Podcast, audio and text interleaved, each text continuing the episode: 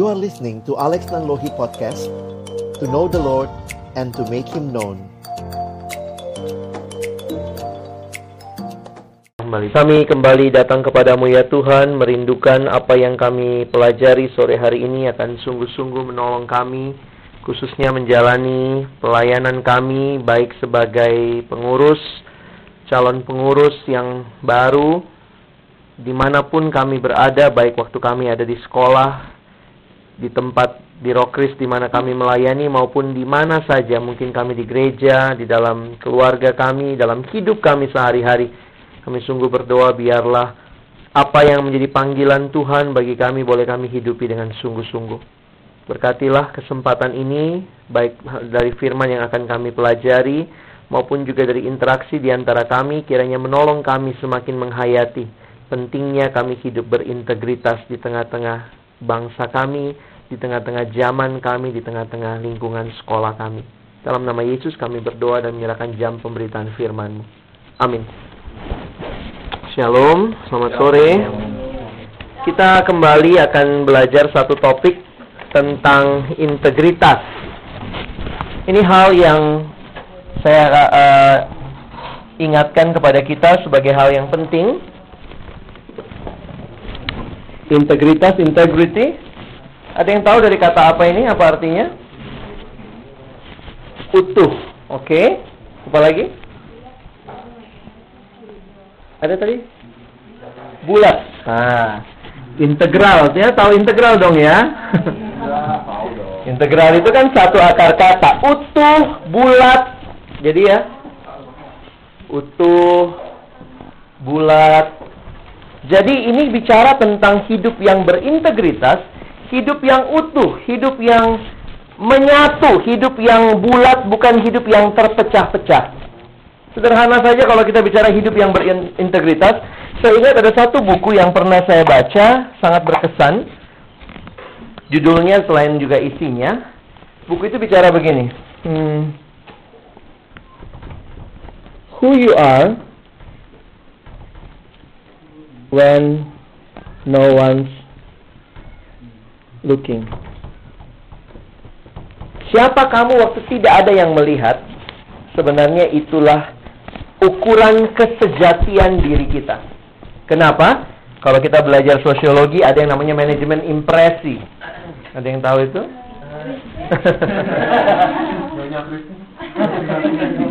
Apa itu manajemen impresi? Bahwa dalam relasi kita dengan orang lain, kita biasanya menunjukkan impresi tertentu. Kita menunjukkan sebuah kesan tertentu, kita menggunakan topeng kalau boleh dipakai istilah itu topeng-topeng yang kita pakai di depan anak rokris kita ber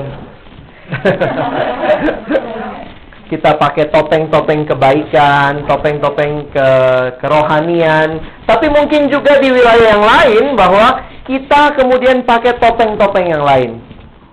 Nah, orang-orang yang tidak berintegritas itu mirip seperti bunglon. Bukan Bung Marlon ya, bunglon. Jadi dia akan mengikuti, dia tidak punya prinsip, dia tidak punya ketegasan. Tetapi dia akan mengikuti tempat di mana dia berada. Saya bukan berkata bahwa kita nggak boleh beradaptasi, tetapi kalau yang diadaptasikan adalah nilai-nilai yang kita pegang, nilai-nilai kebenaran yang kita pegang, kita sedang tidak berintegritas.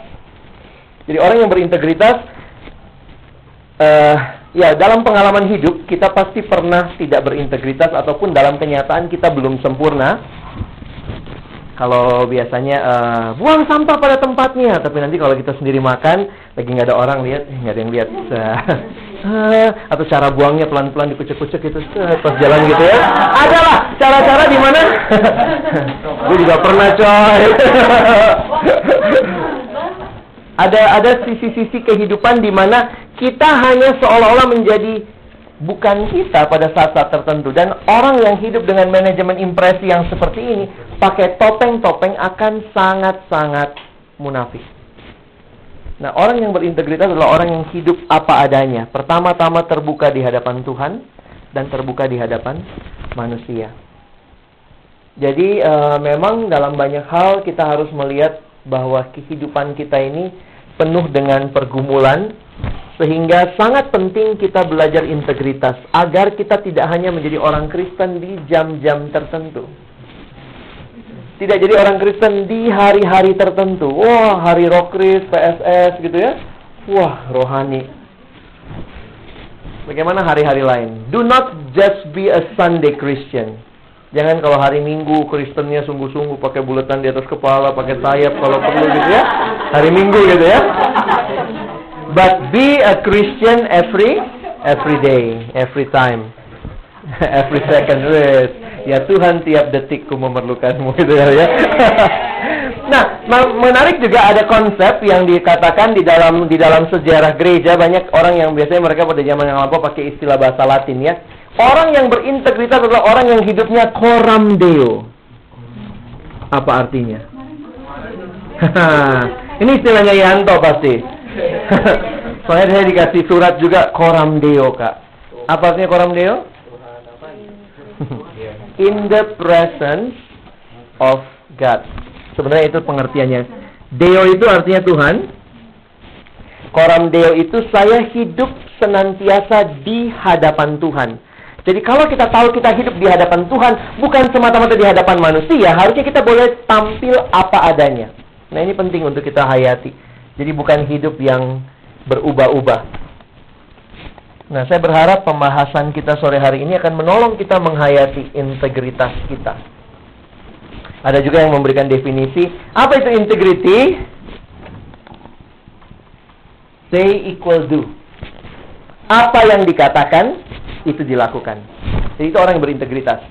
Bukan hidupnya terkotak-kotak, Kristen hari tertentu. Bukan cuma itu. Apa yang dia katakan, itu juga yang dia lakukan. Itu orang yang punya integritas. Dan orang yang tidak punya integritas mungkin ngomongnya banyak. NATO jadinya ya. No action, talk only. Ya, ini kenyataan yang kita hadapi. Oke. Okay. Nah, keutuhan ini dibutuhkan dalam kehidupan kita sebagai pelayan Tuhan. Saya harus akui di hadapan kalian, di hadapan Tuhan dan kita semua, kita sering kali belum masuk ke dalam kehidupan yang utuh itu. Kita sedang berjuang lah ya, boleh dipakai istilah berjuang di proses Tuhan masuk ke dalam kehidupan yang utuh itu. Sering gagal, ya mungkin masih sering gagal. Tiba-tiba bisa jadi super rohani. Kalau lagi retret, saat teduhnya tiba-tiba kita saat teduh, amin, lihat teman kita, ini masih saat teduh, ah lama-lamain lah biar kelihatan lebih rohani. Oh iya ya, gitu ya. Ada ada ada kecenderungan-kecenderungan seperti itu. Kita ingin tampil lebih rohani mungkin. Ada kecenderungan kita ingin dianggap lebih baik. Padahal, is that the real you? Nah itu itu pertanyaannya. Kalau kesempatan retret menjadi kesempatan kita mengatur ulang hidup kita yang tidak rohani menjadi lebih rohani.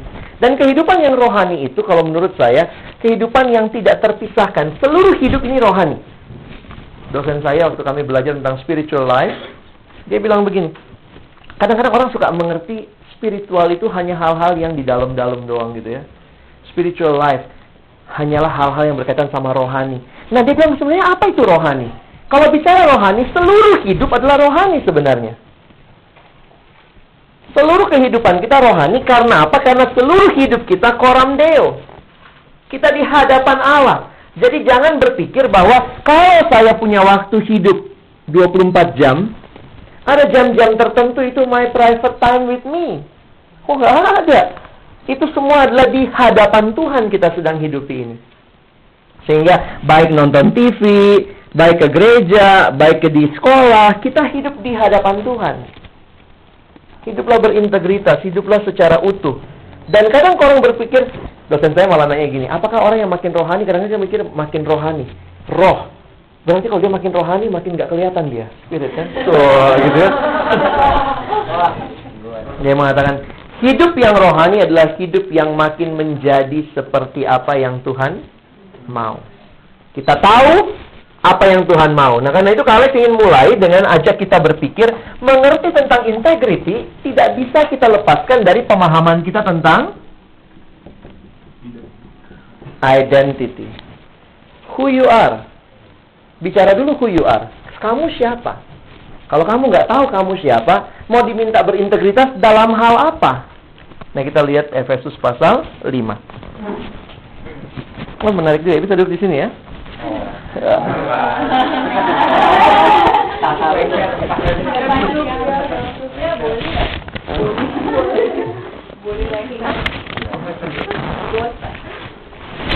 Mari kita lihat Efesus pasal 5 Teman-teman kita baca ayat yang Saya nggak tahu nggak mungkin bahas semua sih ya Efesus 5 ayat 1 sampai 21. Kita baca aja gantian satu orang satu ayat ya. Dari kita giliran mulai dari ini nanti baru begini kali ya.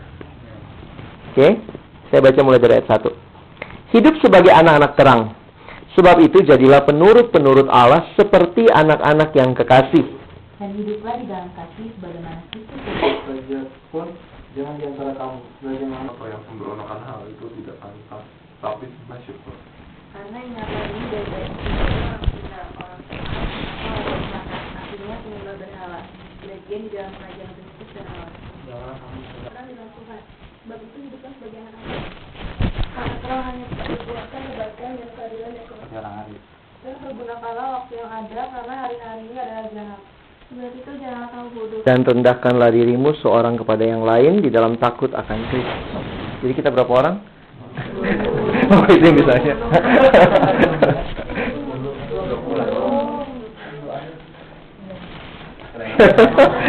Kok jadi masalah? Oke. Teman-teman? Iya, iya. Saya baca dua ayat kan sebenarnya. Sudah, kita lihat sebentar. Ini bicara tentang hidup sebagai anak-anak terang. Kembali lagi kalau kalian perhatikan secara khusus tulisan Rasul Paulus, Paulus ini banyak menuliskan surat kepada jemaat dan pola suratnya itu rada mirip. Paulus biasanya mulai dengan bagian pertama dari suratnya itu yang bersifat doktrinal. Kecuali beberapa surat atau satu surat yang paling jelas, dia mulai justru dengan hal-hal yang praktis. Dan hal yang kedua adalah hal-hal yang praktis. Nasihat-nasihat praktis. Jadi menarik sekali bahwa Paulus selalu mulai dengan doktrin, memberikan wawasan pengajaran bahwa karena kamu sudah diperdamaikan dengan Allah, sudah diperdamaikan dengan sesama, maka kehidupanmu adalah kehidupan yang harus bersatu untuk mencapai kedewasaan. Itu tadi kira-kira kesimpulan dari sesi yang pertama. Dan menarik sekali waktu dia sudah bicara hal seperti itu, itu bukan di tataran konsep, tetapi di tataran praktis. Bagaimana kalau begitu kamu harus hidup saat ini? Maka yang menarik dia mengatakan, hidupilah identitasmu. Hidupilah statusmu. Karena kalau kamu hidupi statusmu, kamu berintegritas. Kira-kira begitu. Kalau saya tahu saya anak Tuhan, tapi kelakuan seperti anak setan, nah ini yang saya suka nanya, ada nggak sih orang tua pengen anaknya makin hari makin mirip tetangga? Papa bangga sekali, tetangganya cantik misalnya gitu ya. Tapi ya ini pengalaman waktu besuk alumni kalian gitu ya, Kak Dahlia teman KTB saya waktu dia menikah, punya anak, kami besuk waktu melahirkan. Waktu datang ke situ, kemudian Kak Dahlia sama Kak Danielnya, Bang Danielnya, kemudian uh, pas waktu jam menyusui, setelah itu kita lihat anaknya, Terus yang satu mamanya dengan bangga, nah Lex, lihat anak gua kan, hidungnya mirip gua. Terus kemudian Bang Daniel bilang, enggak, jidatnya kamu, hidungnya saya. Eh, hidungnya, jidatnya, mereka berantem berdua ya, hidung, jidat, hidung, jidat. Jadi kemudian saya makin menghayati, iya ya, orang tua yang normal pingin si anaknya mirip seperti mereka. Kan itu membuktikan kamu anak saya.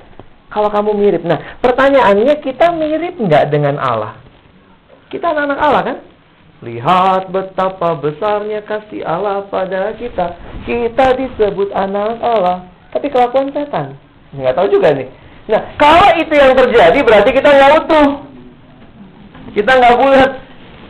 Kita tidak mengalami pemahaman siapa kita dan apa yang kita hidupi. Nah ini yang penting ya. Teman-teman perhatikan bahwa kekristenan, tadi saya jelasin sama teman-teman di bawah, waktu kita ngobrol-ngobrol siang. Ya,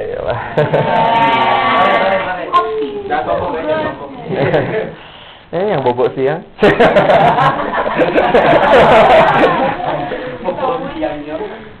nah, pemahaman kita selalu kekristenan itu dimulai dengan status yang baru, lalu kemudian status ini yang melahirkan kalau kita pakai bahasa Latinnya actus, action. Jadi bukan sekedar actionnya, aktusnya, tetapi statusnya apa? Jadi kalau kita bicara misalnya tadi, apakah orang jadi anak SMA 8 karena rajin ke SMA 8 Ataukah karena dia anak SMA 8 makanya dia rajin ke sekolah? Iya dong. Karena dia anak SMA 8, dia rajin ke sekolah. Banyak orang yang rajin ke sekolah bukan anak SMA 8. Satpam, tukang jual di kantin gitu ya. Jadi melakukan sesuatu tidaklah menjamin kita sudah berubah status. Oke? Tetapi kalau status kita sudah berubah, pertanyaannya keluar nggak actionnya? Nah ini yang harus terjadi dalam kehidupan kita. Ada perubahan hidup. Yang waktu kita hidupi dua hal ini dengan nyata, kita berintegritas. Nah, identity ini berkaitan dengan status. Nah, ini yang saya ingin ajak kita untuk perhatikan baik-baik. Ya. Nah, kita lihat sama-sama dalam Efesus pasal 5. Paling tidak ada dua hal yang diingatkan dalam bagian ini kalau kalian jeli memperhatikan. Kita lihat ayat pertama. Sebab itu jadilah penurut-penurut Allah. Kata penurut-penurut di sini, nggak ada yang bawa NIV juga ya. Di dalam NIV dipakai istilah imitators. Apa itu imitators? Pemalsu. kita kita ya peniru-peniru. Konteks kita kalau bicara imitasi itu di Indonesia jelek kali ya. Padahal imitasi itu artinya apa? Yang mirip seperti aslinya. Jadi begitu ya. Kalau kita begitu barang imitasi pasti ya gopek dua deh gitu ya. Ketiga ada kembaliannya lagi.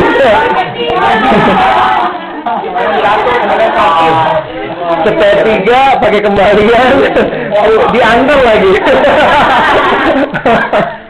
Murah banget sih. Ya, jadi teman-teman perhatikan baik-baik bahwa Allah melalui Paulus mengingatkan bahwa kamu adalah orang-orang yang sudah ditebus karena itu jadilah penurut-penurut Allah sama seperti anak-anak yang kekasih. Jadi role model kita adalah Allah. Siapakah Allah itu? Paling tidak dalam konteks kitab Efesus pasal yang kelima ada dua hal tentang Allah yang diingatkan. Pertama Allah adalah kasih. Yang kedua Allah adalah terang. Allah adalah kasih. Karena itu kalau kamu hidup sebagai anak Allah, kamu harus hidup di dalam kasih. Nah, itu muncul di ayat 2 kan? Dan hiduplah di dalam kasih sebagaimana Kristus Yesus juga telah mengasihi kamu. Jadi apa standarnya kasih kita? Sebagaimana Kristus Yesus telah mengasihi kamu dan telah menyerahkan dirinya kepada untuk kita sebagai persembahan dan korban yang harum bagi Allah. Teman-teman, saya setiap kali merenungkan kasih, kalian bisa cek di Alkitab, banyak kali kata kasih itu selalu dikaitkan dengan pengorbanan Kristus. Nah, saya mau secara sederhana aja menyoroti apa artinya kita hidup di dalam kasih. Apa artinya kasih? Masih ingat waktu Natal? Saya bahas nggak sih itu? Apa artinya kasih? Bahasa Indonesia paling gampang menjelaskan kasih. Apa itu kasih? Kasih, ya kasih. Iya. Kasih ya kasih. Kalau saya punya sesuatu saya kasih. Nah, waktu bicara hal itu, love is giving. Love is giving. Saya cukup terkejut waktu membaca satu ayat. Coba perhatikan 1 Tesalonika 4. Tahan Efesusnya ya. Benang merah. Benang merah perjanjian baru, benang biru perjanjian lama biasanya gitu ya. Semua dibahas. Coba lihat 1 Tesalonika 4 ayat yang ke-9. 1 Tesalonika 4 ayat yang ke-9. Kita baca sama-sama ya. Satu, dua, ya.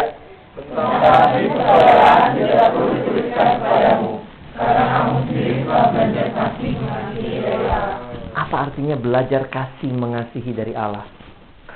Niru dari Tuhan. Kasihnya Tuhan kasih yang apa sih? Agape. Saya waktu menghayati ini kan kadang suka kita nyanyi ini ku kasihi kau dengan kasih Tuhan. Pertanyaannya benar nggak kasih Tuhan?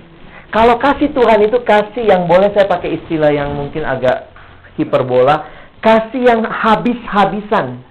Kasih yang memberikan semuanya, kasih yang tuntas, kasih yang memberikan yang terbaik. Dan itu tidak gampang, mengerti itu tidak gampang. Karena apa? Betulkah kita sudah masuk ke dalam penghayatan yang seperti itu? Nah kalau teman-teman mau membangun, si Asep udah datang tuh. Tahu ya, Asep Tanu? Itu ada senior. Iya, panggilan dari zaman SMA dia Asep gitu ya. Makanya saya kaget kalau dibilang saya kaget oh Asep Tanu. Dia yang bawain sesi besok kalau nggak salah. Oh, ntar malam yang tokoh itu ya. Oke. Nah, teman-teman kalau kita kembali melihat, saya coba menghayati begini. Kalau kita Hah, ganteng. Kulite, tahu deh. Dia yang muji kau ganteng? Gua gimana dong? Eh, Apa? Oh, jalan doang. Dalam menunjukkan identitasnya. Oh iya ya. ah, padahal juga gitu lagi. ya, oke deh. Baik. Kalau teman-teman belajar kasih, saya ingin tanya sebenarnya penghayatan kita terhadap kasih itu sedalam apa? Saya coba menghayati begini ya. Kasih itulah yang memang kita bicara sebagai dasar dari banyak hal yang kita lakukan. Dan saya ingin mengajak kita melihat salah satu integritas yang perlu kita bangun adalah integritas di dalam kasih itu. Kasih yang total dan sungguh-sungguh termasuk nanti kalau kalian bicara kepada jemaat. Waktu mengasihi mereka saya ingat ketika beberapa tahun yang lalu ada sebuah camp waktu itu kalau nggak salah camp konsentrasi. Bukan namanya camp of joy kalau saya nggak salah ingat ya Eh, camp sukacita lah ya nah dalam camp itu saya ketemu dengan satu ketua rokris dari satu sekolah di Jakarta Selatan dan kemudian kami banyak ngobrol gitu. Dan waktu akhirnya kami ngobrol, satu hal yang menarik akhirnya eh, kita janjian jadi deket gitu ya. Ayo. eh cowok, eh. Cowok, eh.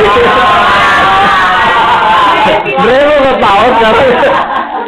Nah, jadi kami sering kontak-kontakan dan zaman itu zaman itu belum ada handphone gitu ya. Jadi waktu belum ada handphone eh Wah, Iya, saya punya pager, tapi dia dia nggak punya. Jadi waktu itu saya telepon ke rumahnya, yuk besok kita janjian ya, nanti eh, kita kita makan. Lu pengen gue ceritanya apa sih? Ngobrol kamera gitu kali.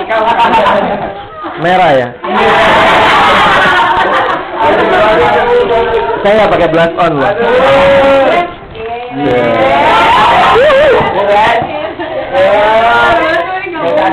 Saya perlu dibilang ganteng, saya. Lu dibilang ganteng. Tapi. Oh iya. Ganteng dari Hong Kong. Oke. Nah, kemudian waktu waktu saya ketemu sama dia, kami janjian janjian untuk eh, saya bilang ya udah pas pas lagi libur kita mau makan siang bareng gitu. Makan sore sih sebenarnya. Jadi kita janjian, ya kak nanti setengah empat kita ketemu di Blok M.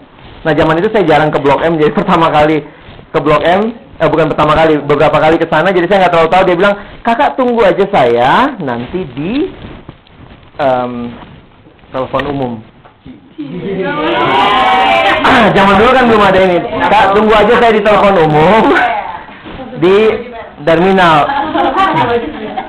Ke baju merah ya. Ternyata saya begitu datang itu telepon umum ada 12 biji bener gitu ya. Panjang banget. Dan satu hal yang menarik waktu itu saya udah lama nunggu dia belum datang. Saya udah lama nunggu dia belum datang. Saya udah banyak makan debu waktu itu ya. Asap kendaraan udah mulai puyeng-puyeng gitu. Terus nggak lama dia datang dari jauh. Anaknya kebetulan tinggi banget, lebih tinggi dari kamu. Eh sama tinggi lah ya kira-kira. Kok bisa ada sih yang lebih tinggi gitu?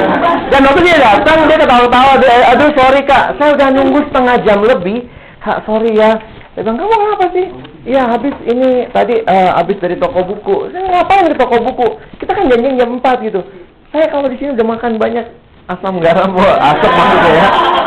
Terus dia bilang gini, saya tanya, kamu beli buku apa? Terus dia keluarin dari tasnya, dia beli renungan harian, teman-teman. Dia beli renungan harian, tiga biji. Saya bilang, ngapain sih beli banyak-banyak gitu?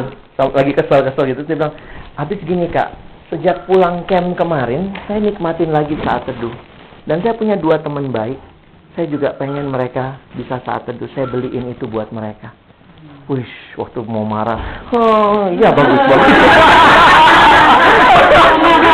Teman, kenapa kenapa yang saya ceritakan ini? Hal ini menarik buat saya begini. Karena sebenarnya apa yang paling penting dalam pelayanan? Tadi Kak Caki udah bahas ya. Yang paling penting adalah kita memiliki kasih kepada orang yang kita layani. Jadi nanti pelayananmu, actionmu itu keluar dari statusmu yang mengalami kasih Allah. Beda kalau pelayananmu keluar cuma dari program. Kenapa kamu kasih renungan harian nama jemaat? Habis sudah ada programnya, mesti dibagi-bagi. Jadi, pertanyaannya, kalau tidak ada program, apakah engkau tetap punya kasih? Misalnya beliin beberapa orang renungan harian mungkin? Kayaknya sih ada. Jadi teman-teman saya ingin mengajak kenapa kita penting Kenapa kita penting bicara integritas? Karena integritas akan menolong kita melayani mulai dari status yang benar, status yang mengalami kasih Allah dan ini keluar nyata dalam hidup kita. Bukan sekedar kita digerakkan oleh program. Kenapa bikin begitu? Ya karena sudah diprogramin, waktu raker sudah diputuskan. Tapi betul-betul dari kasih yang mendalam. Ada yang bertanya sama saya begini, eh saya pernah dengar pendeta khotbah dia bilang, pernahkah saudara membayangkan dilema kasih? Oke, Kak Alex tanya begini, coba jawab ya. Tahu Yohanes 3:16 ya? saya udah pernah tanya mungkin waktu itu. Menurut Yohanes 3:16, siapakah yang Tuhan paling kasihi? Karena begitu besar kasih Allah kan siapa yang paling Tuhan kasih menurut Yohanes 3:16? Hah? Dunia. Dunia ya. Dunia maksudnya siapa? Kita kan? Manusia. Apakah Allah mengasihi anaknya yang tunggal? Iya. Berarti mengasihi juga Yesus Kristus. Siapa yang lebih dikasihi? Siapa yang Allah lebih kasihi? Manusia. Jadi Allah sangat mengasihi manusia sama kayak misalnya kamu pulang dari sini terus papamu bilang gini, "Nak, papa bunuh ya, papa mau ngambil anak tetangga." Kira-kira gambarannya. Karena Allah Bapa sama kita setelah kita manusia berdosa kan tidak ada hubungan kan, terputus dengan Allah. Dia mengasihi kita? Ya. Mantap lagi jawabnya tadi. Siapa yang Allah paling kasihi? Saya, kita. Apakah Allah mengasihi Yesus Kristus? Ya. Siapa yang lebih dikasihi? Sama. Pukul rata. Teman-teman, akhirnya pendeta itu dia khotbah. Dia khotbah pas malam Natal tuh, saya ingat banget. Dia bicara tentang dilema kasih. Waktu Allah mengasihi manusia, harganya adalah dia korbankan anaknya. Dia mengatakan, saya tidak bisa menjawab siapa yang Allah lebih kasihi. Tapi yang saya bisa lihat, Allah rela serahkan anaknya buat kita yang berdosa. Teman-teman, waktu merenungkan ini, dunia Allah sangat kasihi. Yesus Allah sangat kasihi. Kalau menurut Yohanes 3 ayat 16, coba buat definisi kasih. Yohanes 3 ayat 16. Apa itu kasih? Kasih berarti memberikan Yesus, memberikan yang paling Allah kasihi kepada manusia, yang paling Allah kasihi. Apa itu definisi kasih? Memberikan yang paling dikasihi kepada yang paling dikasihi. Iya dong. Kita tadi mau ngomongin itu, siapa yang paling dikasihi? Disuruh bilang, disuruh pilih, enggak, jodohnya sama. Kalau begitu apa itu kasih? Memberikan yang paling dikasihi. Yang paling dikasihi kepada yang paling dikasihi. Tapi kan kalimatnya kurang Kristen kan? Kita bikin sedikit agak Kristen. Apa itu kasih? Memberikan yang terbaik kepada yang paling terkasihi. Paling dikasihi. Gampang nggak? Nggak gampang. Apalagi dibilang begini, mari kita belajar kasih mengasihi dari dari Allah. Kalau kita sama Tuhan, oh Tuhan, I give you all my best. Gimana dengan teman kita? Mari kita belajar saling kasih mengasihi. Kalau kalian pelayanan tidak keluar dari status yang sungguh-sungguh mengalami kasih Allah, mungkin cuma kelihatan kamu kesannya mengasihi jemaat. Tapi ternyata mengasihi jemaat hanya karena program, hanya karena disuruh dan ini keluar dari kasih. Memberikan yang terbaik kepada yang paling dikasihi. Yang terbaik Allah berikan yaitu anaknya. Apa yang terbaik dalam diri kita? Keselamatan, kok kasih keselamatan gitu ya? Nah, ini ini bicara juga mas- masuk ke wilayah pengorbanan. Apa yang Yesus berikan kepada kita? Dia memberikan seluruh dirinya, nyawanya buat kita. Nah, memang kalau pertanyaannya ada nggak ya jemaat yang sampai minta nyawa kita kayak Kak Caki bilang tadi? Belum kali ya. Waktu jadi pengurus yang lama, ada jemaat yang bilang, please mati dong buat saya, mati dong gitu. Makanya kalau ada pengurus gitu ya, kalian suka bilang, kalau ada pengurus yang komplain, aduh kak, capek, kamu ikut siapa pelayanan? Ikut Yesus. Nah Yesus waktu pelayanan sampai apa? Sampai mati. Kamu masih apa? Capek. Capek mati. Oh, belum mati. Pelayanan lagi ya. aduh kak, pelayanannya disalah mengerti papa mama, kok pulangnya malam terus? Baru disalah mengerti, belum mati kan? Ayo pelayanan lagi ya. Ayo. Jadi kalau memang kalau udah standarnya begitu, kalau udah mati baru boleh komplain. Tuhan mati juga nih akhirnya gitu ya. Nah ini ini memang ekstrim, contoh yang Alex buat ekstrim. Tapi saya ingin mengingatkan kita bahwa memang melayani nggak gampang. Saya terus terang beberapa kali dalam pelayanan juga ngeluh sama Tuhan gitu. Ngeluh dalam pengertian, Tuhan berikan saya hati seperti hatimu. Kita nyanyinya gampang ya. Berikanku hati seperti hatimu. Lihat jemaat nyontek, lihat temenmu nyontek, ada hati seperti hati Tuhan. Ini contoh lagi, ini contoh buruk sebenarnya ya. Kalian udah dewasa ya, please tanggapi cerita ini dengan dewasa. Ntar kalau gue merah lagi diem ya. Enggak, ini peristiwa waktu saya mengunjungi satu kampus di Jakarta Timur. Eh, nggak usah ditebak ya. Nggak boleh sebut kampus yang nggak etis tit, gitu ya.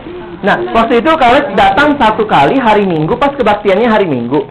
Itu kebaktian seluruh fakultas dan saya tahunya ruangannya di lantai tiga. Nah, biasanya memang kebaktian di situ. Nah, hari itu ternyata mereka pindah ruangan, lupa kasih tahu saya. Jadi untuk Alex datang ke kampus itu, cari-cari-cari, saya naik ke atas. Dan karena itu hari Minggu, kampusnya kosong. Kecuali orang yang mau datang kebaktian kali ya. Dan karena saya salah gedung, nyari-nyari kok nggak ada orang ya. Udah saya naik aja ke atas gitu ya. Naik ke atas sampai di atas teman-teman. Mohon maaf waktu saya begitu sampai ke lantai tiga udah ngos-ngosan capek. Saya ngeliat gitu, saya lihat ke kanan saya kaget. Ada sepasang kekasih di tengah kampus hari Minggu di lantai tiga sedang bermesraan. Nampaknya pakai obat. Nampaknya pakai obat. Jadi kayaknya mereka sangat menikmati begitu. Baju sudah baju sudah acak-acakan. Dan saya kaget tapi saya lagi, hah? Tuhan apa itu? Gitu. Teman-teman tahu? Eh, itu kalau. Tiba-tiba teman-teman, apa yang terjadi? Mereka lihat saya. Mereka lihat. Habis lihat, lanjut. Gue dicuekin.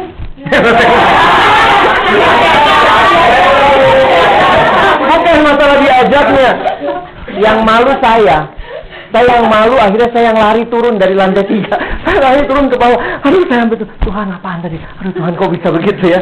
Dan waktu Alex sudah saksikan itu, kemudian akhirnya saya cari-cari ruangan kan. Makin, aduh Tuhan, di mana ya ruangannya? ya? Mau kebaktian kok lihat beginian gitu ya.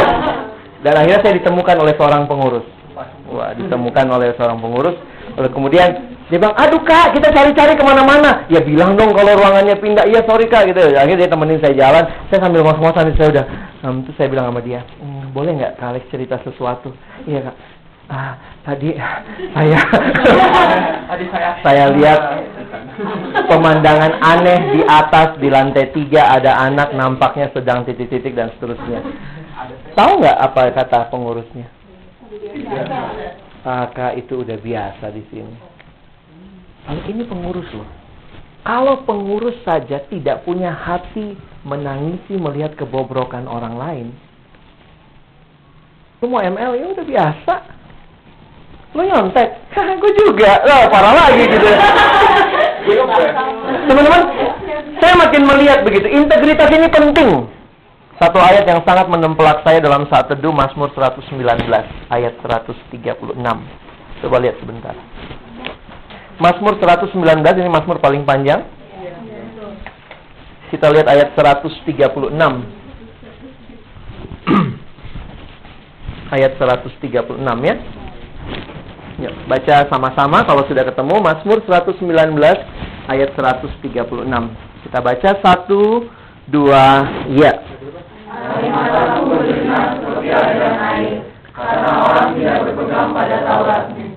Air mataku berlinang seperti aliran air ketika lihat orang tidak berpegang pada Tauratmu. Pertanyaan saya, kapan terakhir kali kamu nangis? Kapan terakhir kamu nangis? Lalu pertanyaan selanjutnya, nggak usah dijawab. Oh, tadi pagi kak, gitu ya. Satu ya.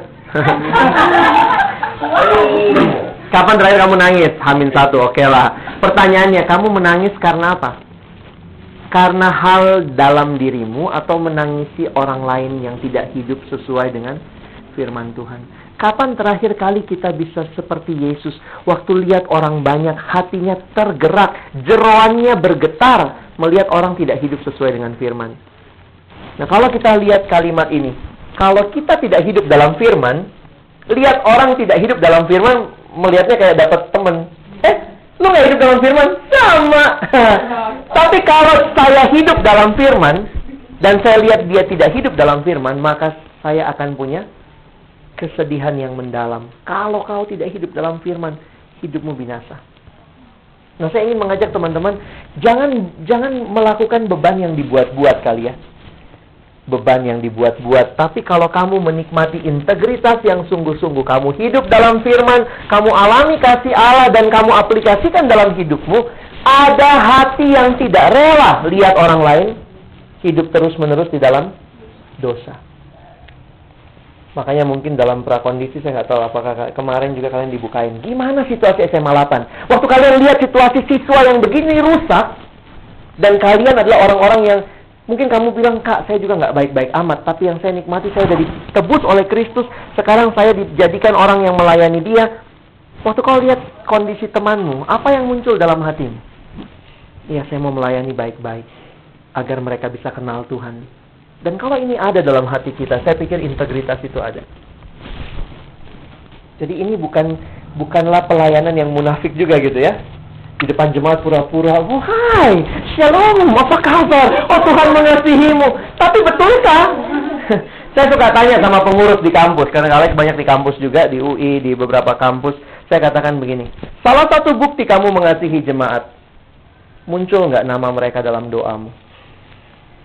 Kalau doa kita semua listnya hari Senin sampai Senin lagi gitu, full dengan kita semua, ngurusin jemaat itulah tugasnya pengurus. Waktu ngurusin salah satunya adalah mendoakan mereka. Muncul nggak nama mereka di doa kita ya? Pernah nggak ketika PSS kira-kira kita tahu hari ini bahas perikop ini. Oh Tuhan ada bagian dari perikop ini yang saya lihat. Ini pergumulannya si Anu Tuhan. Dia kayaknya perlu sekali dengar firman hari ini. Saya doakan sungguh-sungguh saya ajak. Kadang-kadang kalau dia keluar kelas saya tungguin. Yuk datang yuk. Hari ini kita lagi bahas firman ini. Saya rindu kamu dengar Mungkin nggak ngomong sampai segitu ya. Tapi dari kerinduan kita mengajak. Kan kalian yang bikin acaranya, kalian bi ini tema. Tema ini cocok buat siapa dan kamu punya nggak di kepalamu? Waktu saya pilih tema ini, kami tetapkan tema ini, siapa yang kita rindukan hadir? Jadi betul-betul pengalaman pelayanan dengan kehidupan kerohanianmu menyatu. Jadi bukan pelayanan-pelayanan. Hidup sehari-hari, hidup sehari-hari gitu ya. Tapi itu menyatu di dalam kehidupan kita. Nah, kita lihat baik-baik bagaimana Tuhan Yesus mengalami hal itu ya. Hatinya tergerak oleh belas kasihan. Balik ke Efesus pasal 5. Mungkin kalian nggak bisa bahas semua, tapi kalian bisa ngelihat ya. Mulai ayat 3 sampai ke bawah itu sebenarnya sudah mulai masuk kepada Allah adalah terang. Karena itu hiduplah di dalam terang. Jadi Waktu bicara hidup di dalam terang, ada koreksi terhadap kehidupan yang harus terjadi. Coba lihat ayat 3. Tetapi percabulan dan rupa-rupa kecemaran. Nah, ini dosa-dosa yang kaitannya dengan lust, seksual. Jadi memang menarik ya, di Alkitab itu dosa seksual, percabulan itu salah satu dari top 10-nya dosa. Ya, jadi kalau mau lihat list-list top 10 itu itu tuh ya kita ini punya kebutuhan ya, namanya kita manusia, kita punya kebutuhan, tapi kita harus tahu di mana kita menempatkan itu. Masa remaja ini masa gejolak ya. Ya, mungkin kalian akan bertemu dengan teman-teman yang canda-candanya jorok, sindiran-sindirannya jorok, film-filmnya pun yang ditonton jorok-jorok gitu ya. Dan hati-hati kalau kita pun melihat ah biasa. Kalau orang lain punya satu, saya punya tiga misalnya ya koleksi apa dan seterusnya. Hati-hati. Dan kita jangan jadi orang yang seperti itu. Jujur sama diri ya, jujur sama diri begini maksud saya. Tuhan menciptakan seks untuk untuk dinikmati di dalam relasi suami dan istri. Jadi jangan anti sama seks. Karena seks itu adalah anugerah Tuhan, karunia Tuhan yang harus kita nikmati di dalam relasi suami istri. Jadi seks yang benar adalah seks yang tanpa membayar, tanpa rasa takut. Jadi maksudnya ya kalau misalnya kayak sekarang gitu ya ada anak-anak di kos-kosan cepetan cepetan oh ayo nih itu kalau dinikmati dalam rasa takut itu bukan seks yang Tuhan rencanakan Tuhan merencanakan seks dinikmati dalam keterbukaan kok suami dan istri ya ini perlu kita hayati. Karena konsep seks sekarang kalian mungkin lebih banyak belajar tentang seks dari film porno kali ya atau buku-buku ya ketimbang dari firman Tuhan. Kenapa? Jujur aja memang tidak banyak gereja bicara hal itu. Tidak banyak belajar, tidak banyak gereja yang bicara hal itu, tidak banyak persekutuan bicara itu. Orang tua pun sulit diajak bicara itu, benar nggak? Ada yang diskusi seks lumayan terbuka? agak susah sekali setahun sekali setahun akhir tahun itu ya? Sekali ngebahas. Serem juga sih ya. Itu yang saya pernah cerita ada satu anak mahasiswa dia pulang retret SMS apa kirim email kak e, makasih ya kemarin di retret gini-gini. Terus kemudian kak jujur ya boleh boleh sharing gitu. Kenapa ya saya kalau lihat cewek dia cowok soalnya saya kalau lihat cewek pakai baju ketat-ketat agak kelihatan tersingkap kok saya terangsang ya? Dia cerita gitu ya. Ya terus ya saya balas lah emailnya ya saya balas. Puji Tuhan kamu normal. Gitu ya. Tapi saya bilang pertanyaan lebih lanjut waktu kamu terangsang apa yang kamu lakukan? Ini mungkin jadi pertanyaan. Dosanya itu kan bukan karena terangsangnya kan? Nggak bisa kita hindari. Ada hal-hal yang tidak terhindarkan. Tiba-tiba ngelihat tapi apa yang kau lakukan waktu sudah terangsang? Tot, apa pelototin, di PA-in lebih mendalam, disaat teduhkan, direnungkan. Nah, itu udah menjadi masalah kan? Makanya saya setuju dengan nasihatnya Martin Luther, Bapak gereja kita. Martin Luther punya kalimat yang sangat menarik. Kamu tidak bisa melarang burung terbang di atas kepalamu, tapi kamu bisa melarang dia bikin sarang tepat di atas kepalamu. Menarik ya? Kita hidup dalam dunia yang pasti berdosa. Mau kamu beli semua majalah Playboy terus kamu bakar. Mau beli semua model Playboy terus kita bakar juga bareng-bareng. Jadi maksudnya gini, daripada kamu sibuk menutupi semua itu yang mungkin akan terus-menerus bertambah, batasin dirimu untuk tidak menikmati itu. Jadi kita jujur sama diri kita, ya. Mungkin untuk yang cowok, yang cewek dalam masa-masa pertumbuhan, jangan puji Tuhan. Enggak, saya lagi ngecat HP soalnya. itu kan bagian lain dari kehidupan. iya ya, yang bisa SMS namanya apa? HPD. Ya. Baik, kita lihat lagi ya. Ayat 3 atau keserakahan disebut saja pun jangan di antara kamu sebagaimana sepatutnya bagi orang-orang kudus Nah perhatikan ya, kudus itu menjadi bagian dalam konteks ini. Demikian juga kata-kata yang kotor, perkataan yang kotor, yang kosong atau yang sembrono karena hal-hal ini tidak pantas.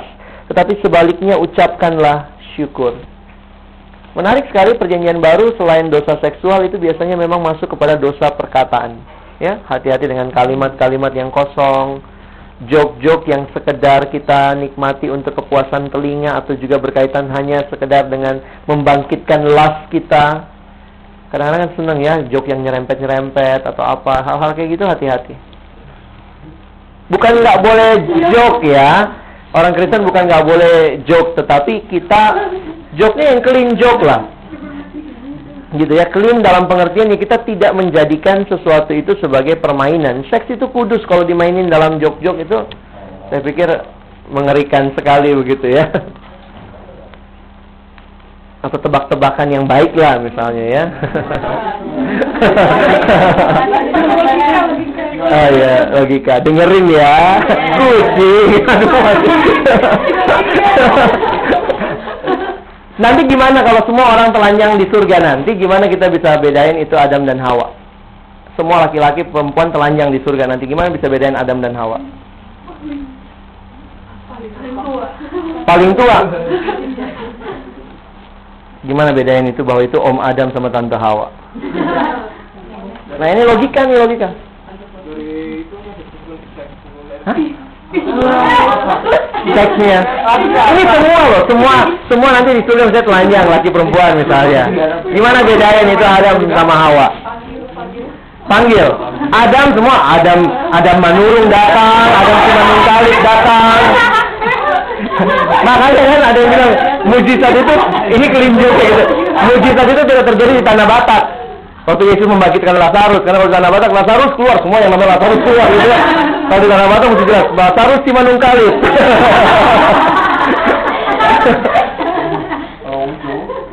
Gimana ayo ngaku katanya nanti kalau gampang kok bedainnya cari aja nggak punya pusar Oh iya. cari aja nggak punya pusar Oh. itu kan kelinjok loh. Tapi ada juga yang bilang, ya nggak tahu apa memang waktu Tuhan ciptain memang pakai pusar ya. Waktu Adam diciptain itu bagian terakhir penciptaan. Lucu juga kan kayak semua dibentuk tuh. itu kan karena ada papa, ada mama kan. Kita kan dari mama ya. Kita hidupnya kan dari situ tadinya kan.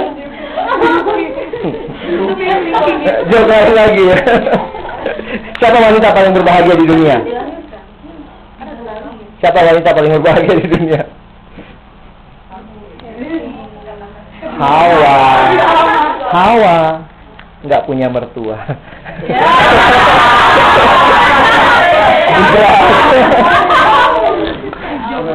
ah, oke kita lanjut ya. Happy Salma. Oh, Happy selalu. Ya, kita lihat 6 ayat yang keempat, eh, yang kelima ya. Karena ingatlah ini baik-baik, tidak ada orang sundal, orang cemara, atau orang serakah. Artinya penyembah berhala yang mendapat bagian di dalam kerajaan Kristus dan Allah. Jadi penyembah berhala itu sebenarnya kalau orang-orang sudah tidak lagi merajakan Tuhan Kristus di dalam diri mereka, di dalam keseharian mereka, mereka sudah menyembah yang bukan Tuhan kan berarti. Jadi ini pemahaman yang menarik sekali. Ayat 6. Janganlah kamu disesatkan orang dengan kata-kata yang hampa karena hal-hal demikian mendatangkan murka Allah atau seorang orang durhaka. Ayat 7. Sebab itu janganlah kamu berkawan dengan mereka. Ayat 8. Memang dahulu kamu adalah kegelapan, tetapi sekarang kamu adalah terang di dalam Tuhan. Sebab itu, hiduplah sebagai anak-anak terang. Kalian perhatikan nggak dengan jeli penggunaan bahasanya di sini? Kamu dahulu adalah jadi Tuhan nggak bilang begini, uh, Paulus nggak bilang begini secara khusus. Kamu dahulu seperti gelap. Beda dong. Kamu dahulu kegelapan. Nah sekarang waktu kamu percaya kepada Kristus, your new identity adalah terang. Sekarang kamu adalah terang. Karena itu hiduplah sebagai anak-anak terang. Jadi hidup yang berintegritas adalah hidup yang menghidupi status. Who you are? Siapa kamu? Siapa kita di hadapan Tuhan? Jadi menarik ya dia bilang sekarang kamu adalah terang di dalam Tuhan sebab itu hiduplah sebagai anak-anak terang. Karena apa? Ayat 9. Karena terang hanya berbuahkan kebaikan, keadilan, dan kebenaran.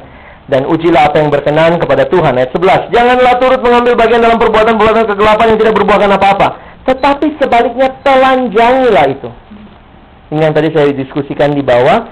Apa itu kegelapan? Kegelapan itu sederhana. Ketiadaan terang. Pernahkah kalian membayangkan apa itu kegelapan? Kegelapan adalah absennya terang. Jadi kegelapan itu bukanlah kondisi normal sebenarnya. Jadi jangan selalu berpikir gini, harus ada gelap supaya ada terang. Nggak gitu. Kegelapan itu bukan sesuatu yang normal. Makanya menarik sekali ketika terang datang, kegelapan hilang. Dan tidak pernah terjadi sebaliknya. Terang ada lalu kegelapan datang. Pernah nggak? Kegelapan datang gue tutupin lo. Nggak ada. Terang itu yang menutupi kegelapan. Nah, menarik sekali diingatkan karena kita itu terang, di dalam dunia yang gelap ini kita dihadirkan supaya dunia ini boleh mengalami terang Allah. Jadi identitas kita perlu kita hidupi. Dan perlu kita hidupi itu dalam apa? Di dalam ting tindakan, tingkah laku. What you say, who you are, live it, do it. Hidupi itu. Nah, sebagai pengurus saya juga berharap kalian sungguh-sungguh punya integritas. Jangan jadi orang munak. Oh, rajin satu dulu ya. Penting itu. Kita bertemu dengan firman gitu. Kamu sendiri gimana? Oh, saya teduh. Oh, gitu ya, nggak pernah. Teduh. Teduh, gitu ya.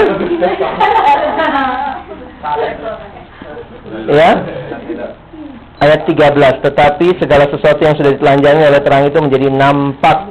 Sebab semua yang nampak adalah terang. Itulah sebabnya dikatakan, Bangunlah hai kamu yang tidur. Dan bangkitlah dari antara orang mati dan Kristus akan bercahaya atas kamu.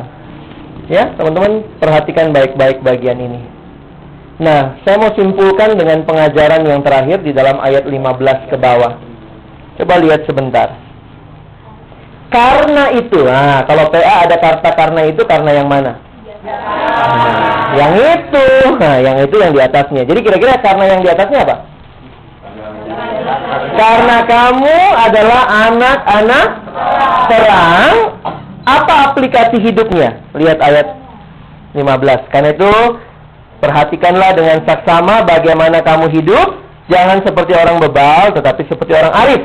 Bagaimana membuktikan tidak seperti orang bebal tetapi seperti orang arif? Ayat 16. Pergunakanlah waktu yang ada. Kalian tahu kan bahasa waktu dalam Alkitab ada berapa? Ada tiga sebenarnya ya, tapi yang biasa kita kenal ada dua. Ada yang kairos, ada yang kronos. Apa bedanya kairos dan kronos? Kronos itu yang seperti kita bilang kronologi. Tahu ya kronologi ya? Kalau kairos itu waktu yang bersifat khusus. Kalau kronos itu waktu yang bersifat umum.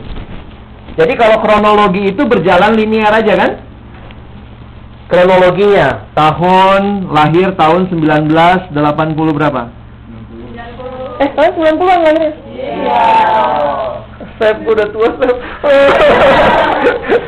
gue udah kuliah 90-an. Ya udah nggak usah ditegasin ya. Terus ya. 1990-an lah, lah.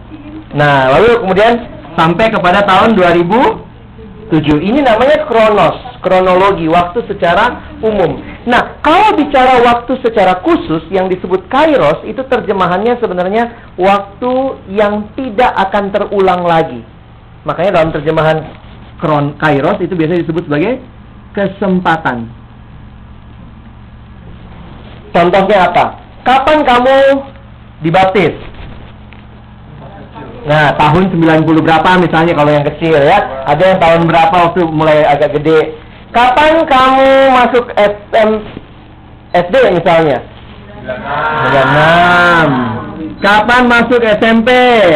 99. SMP 2002? SMA 8? 2005. Misalnya begitu ya. Nah, kalau kalian lihat ini yang namanya di dalam kronos sebenarnya terdiri atas kairos kairos. Kalau misalnya hari ini kamu bangun, sikat gigi, mandi, ke sekolah, besok gitu lagi bangun, sikat gigi, mandi, ke sekolah, itu semua adalah kronos karena berjalan secara kronologis umum. Nah, kalau ada kejadian misalnya hari ini mandi, bangun, sikat gigi, eh ketelan sikat giginya misalnya gitu ya. Nah, itu kan waktu yang tidak terulang lagi atau jangan diulang lagi gitu ya. jangan lagi. Nah, hidup kita itu Paulus ingatkan, perhatikan setiap kesempatan atau kairos yang ada karena hari-hari ini adalah jahat. Dia pakai istilah yang menarik di situ, tebuslah kairos itu. Redeem. Jadi bukan cuman apa? Pergunakanlah itu cuman punya pengertian seperti orang yang punya barang digadaikan, dia tebus barang itu. Teman-teman, ini bahasa Yunani. Nah, bahasa Yunani itu semua dibikin dewa. Dalam bukunya Bapak Stephen Tong membahas ya. Dia bilang kata kairos itu dalam bahasa Yunani berarti kesempatan dan orang Yunani untuk menghayati gambaran kesempatan itu kayak apa dia selalu bikin dewanya. Kalian membayangkan dewa kesempatan itu digambarkan sebagai dewa yang jalannya cepat. Sehingga ada sayap di kakinya, jalannya cepat sekali dan kepalanya botak cuman ada rambut di bagian depan. ya. Jadi ternyata gambarannya begini dalam mitologi Yunani, kalau dewa kesempatan itu jalan karena saking cepatnya, kalaupun kita kejar, kalaupun kita sudah mendekat mau menarik dia dari belakang botak. Jadi kesempatan itu harus dari depan kita tunggu. Lihat ya, mereka cukup bijaksana menggambarkan ya. Jadi kita langsung tangkap begitu. Nah, pergunakan setiap kesempatan yang ada. Nah saya hayati, kalian ingat lagu lagu Terima Kasih Tuhan? Tuhan, Kalek paling senang bagian belakangnya sebenarnya. Sebab hari ini Tuhan adakan syukur bagimu. Saya melihat iya ya, hari ini Tuhan yang adakan.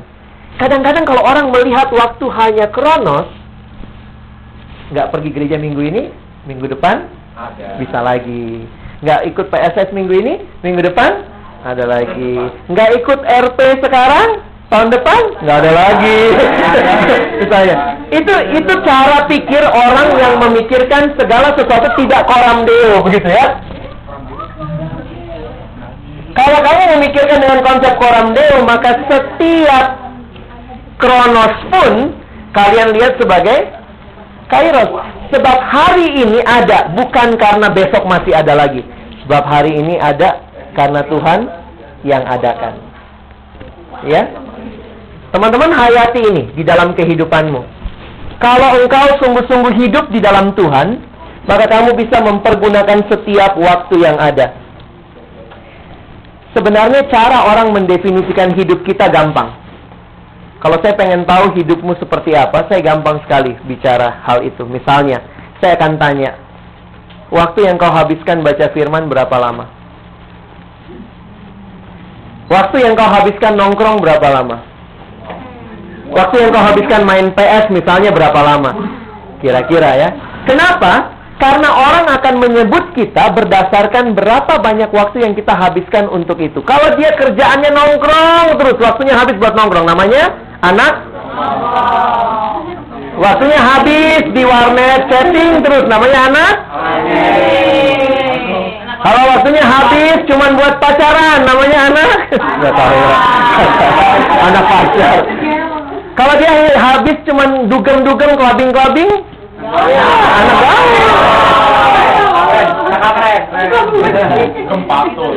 Saya tiap hari dugem dunia gembrot.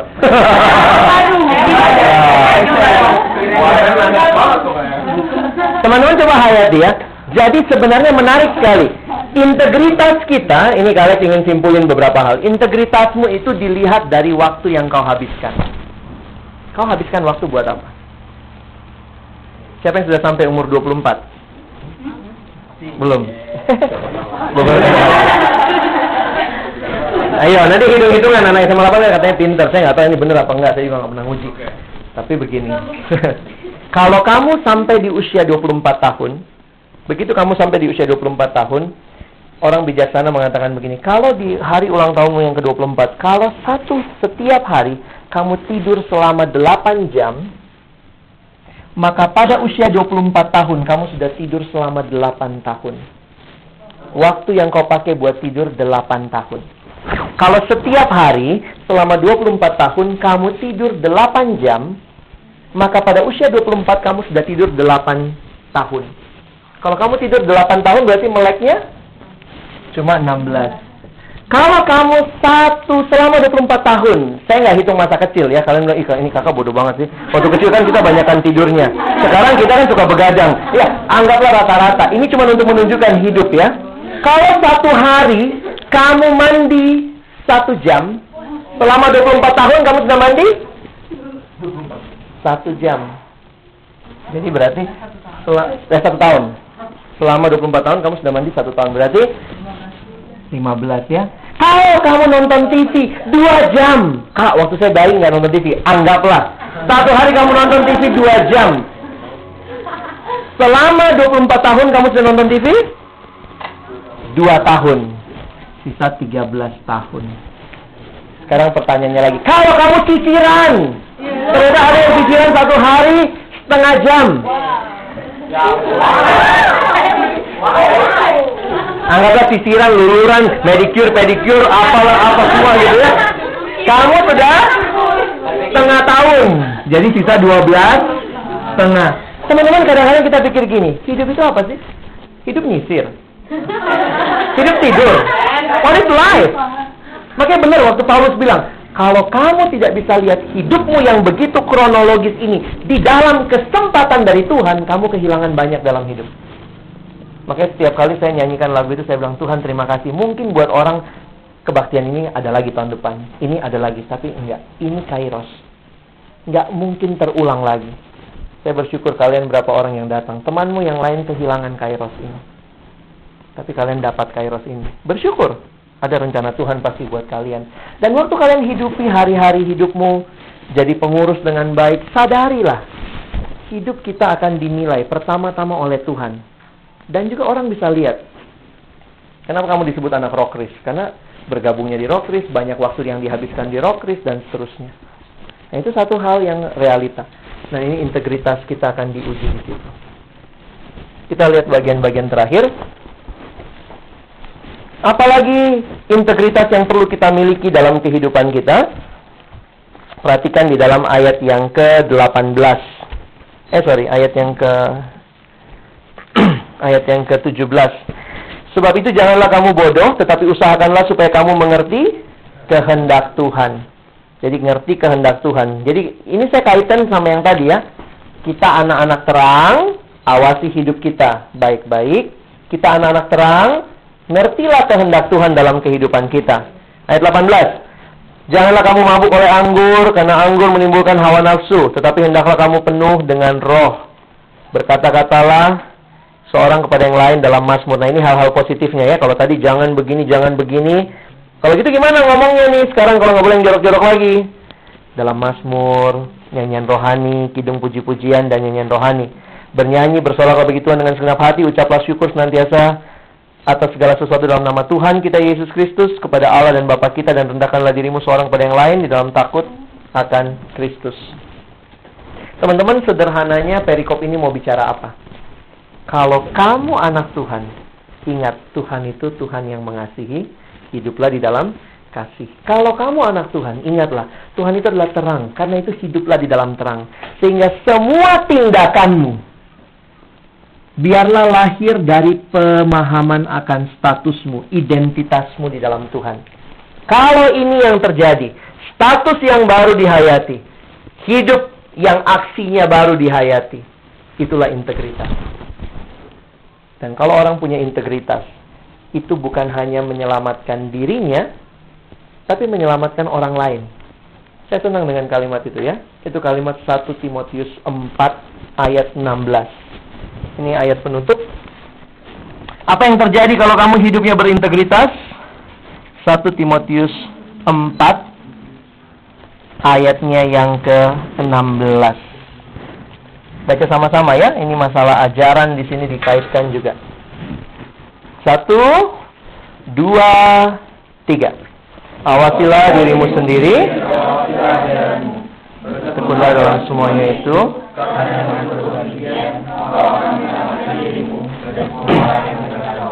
Menarik sekali, awasilah dirimu. Ini yang kita bicarakan, integritas ya. Tentu juga awasi ajaran. Kalian juga udah belajar ajaran, kita perlu punya pengajaran yang baik. Nah, dalam mengawasi diri, mengawasi ajaran, waktu kamu hidup dengan baik, siapa yang akan menikmati? Pertama-tama, dirimu dan kamu akan menyelamatkan orang yang mendengar engkau. Kalian tahu calo kan? Tahu? Pernah jadi calo?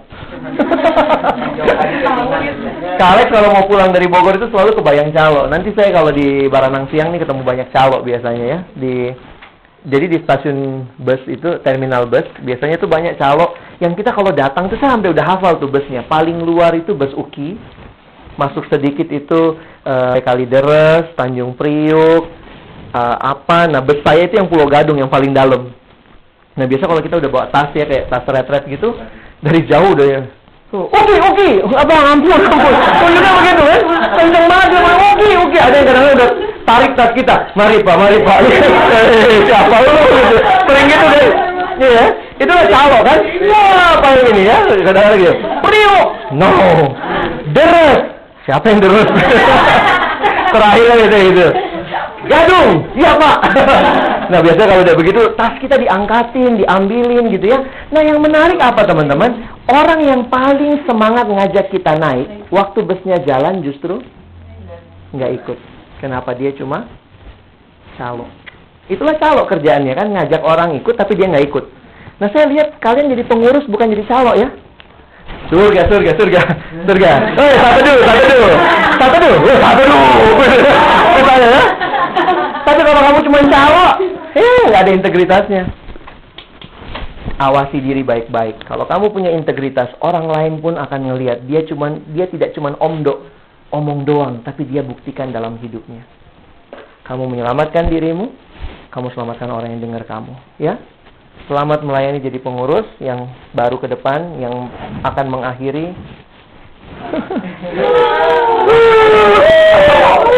ya akan mengakhiri akhirilah dengan baik.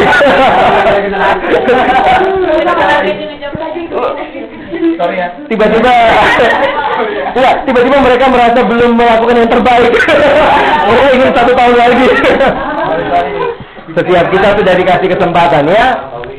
Yang kelas 3 kalian tahulah kesempatan kalian sekarang belajar baik-baik gitu ya. Yang kelas 3 Yang kelas 2 ini kesempatan. Kadang-kadang mikir, waduh lagi sibuk sekolah kok pelayanan juga, tapi ini kesempatan buat kalian nikmati itu sama-sama ya. Enak loh. Baik, kalian selesai di sini ada pertanyaan? Kita punya setengah jam? Eh, enggak lah. Mau lagi. Andre yang pertama ya. Saya pakai kepret ya Andre. Ada pertanyaan soal integritas? Dalam tujuan yang saya dikasih diajak untuk memikirkan integritas diri, integritas pelayanan. Saya pikir itu terkait ya. Kalau dirimu berintegritas, maka kamu yang terlibat dalam pelayanan juga integritasnya jelas.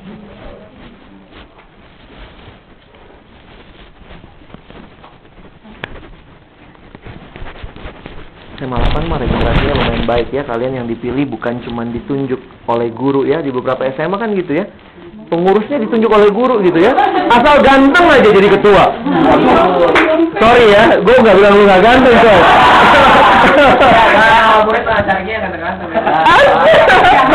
kampanye ya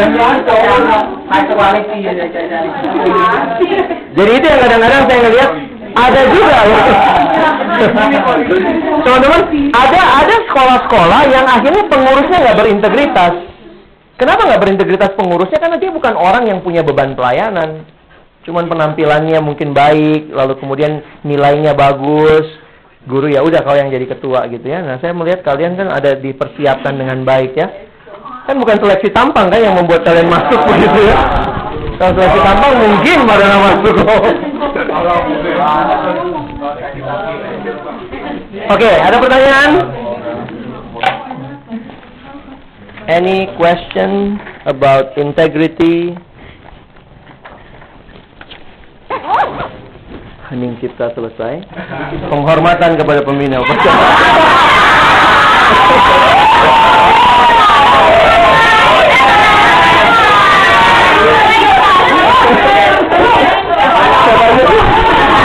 Oh, dia juga, dia juga.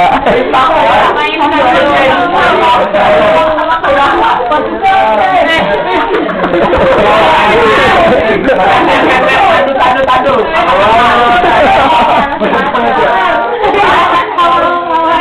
F, X out. Di, di, di, di, di, di. Suruh pacaran aja lagu lu. Ada teman Ayo, ayo yang mau tanya.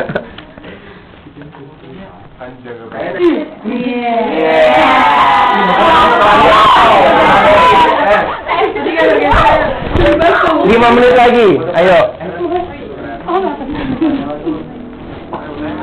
Kalau 10 menit bersama Kak Alex 30 menit. Iya iya. Enggak, enggak. Tergantung jamnya ya. Saya melihat yang sana soalnya tadi. Yang sana belum. Oke, kalau tidak ada pertanyaan nggak apa-apa. Kalian langsung pulang malam ini. Anak istri nih, anak istri orang menanti orang lain.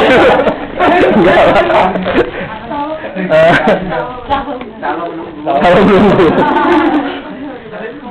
Oh, yang PKK bukan kalian ya? Itu kelas 3 yang sekarang lulus gitu ya?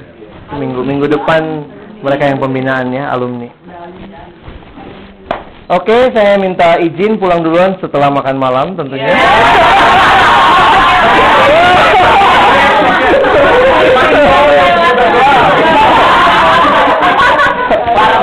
Lu mau nyuruh gue pulang sekarang? Saya nggak rela. Saya masih punya integritas.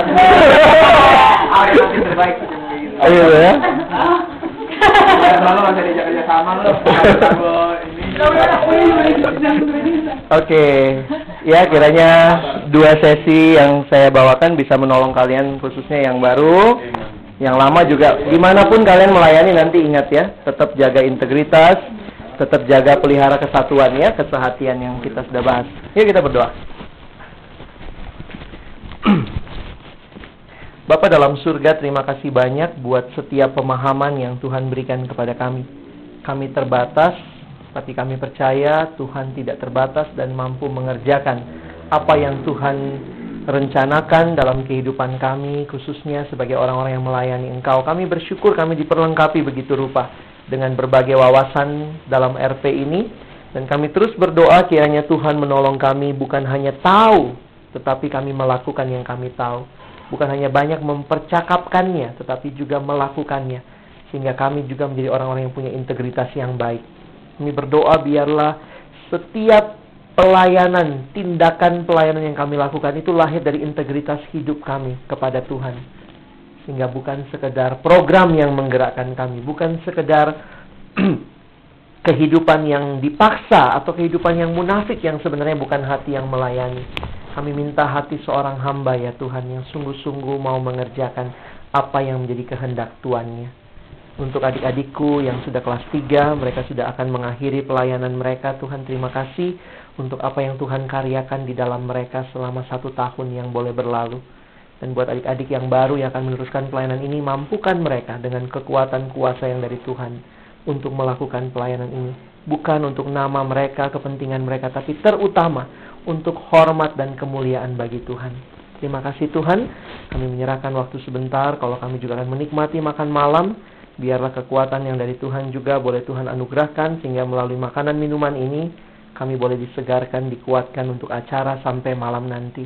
Terima kasih Tuhan, kami mengingat juga keluarga kami di Jakarta yang kami tinggalkan. Tuhan bersama dengan mereka juga malam ini dan kiranya kami boleh tenang di sini karena meyakini Tuhan memimpin kehidupan mereka di Jakarta tentunya memimpin kami di sini. Terima kasih Tuhan. Ini doa kami, ucapan syukur kami dalam satu nama yang kudus. Nama Tuhan kami Yesus Kristus. Amin.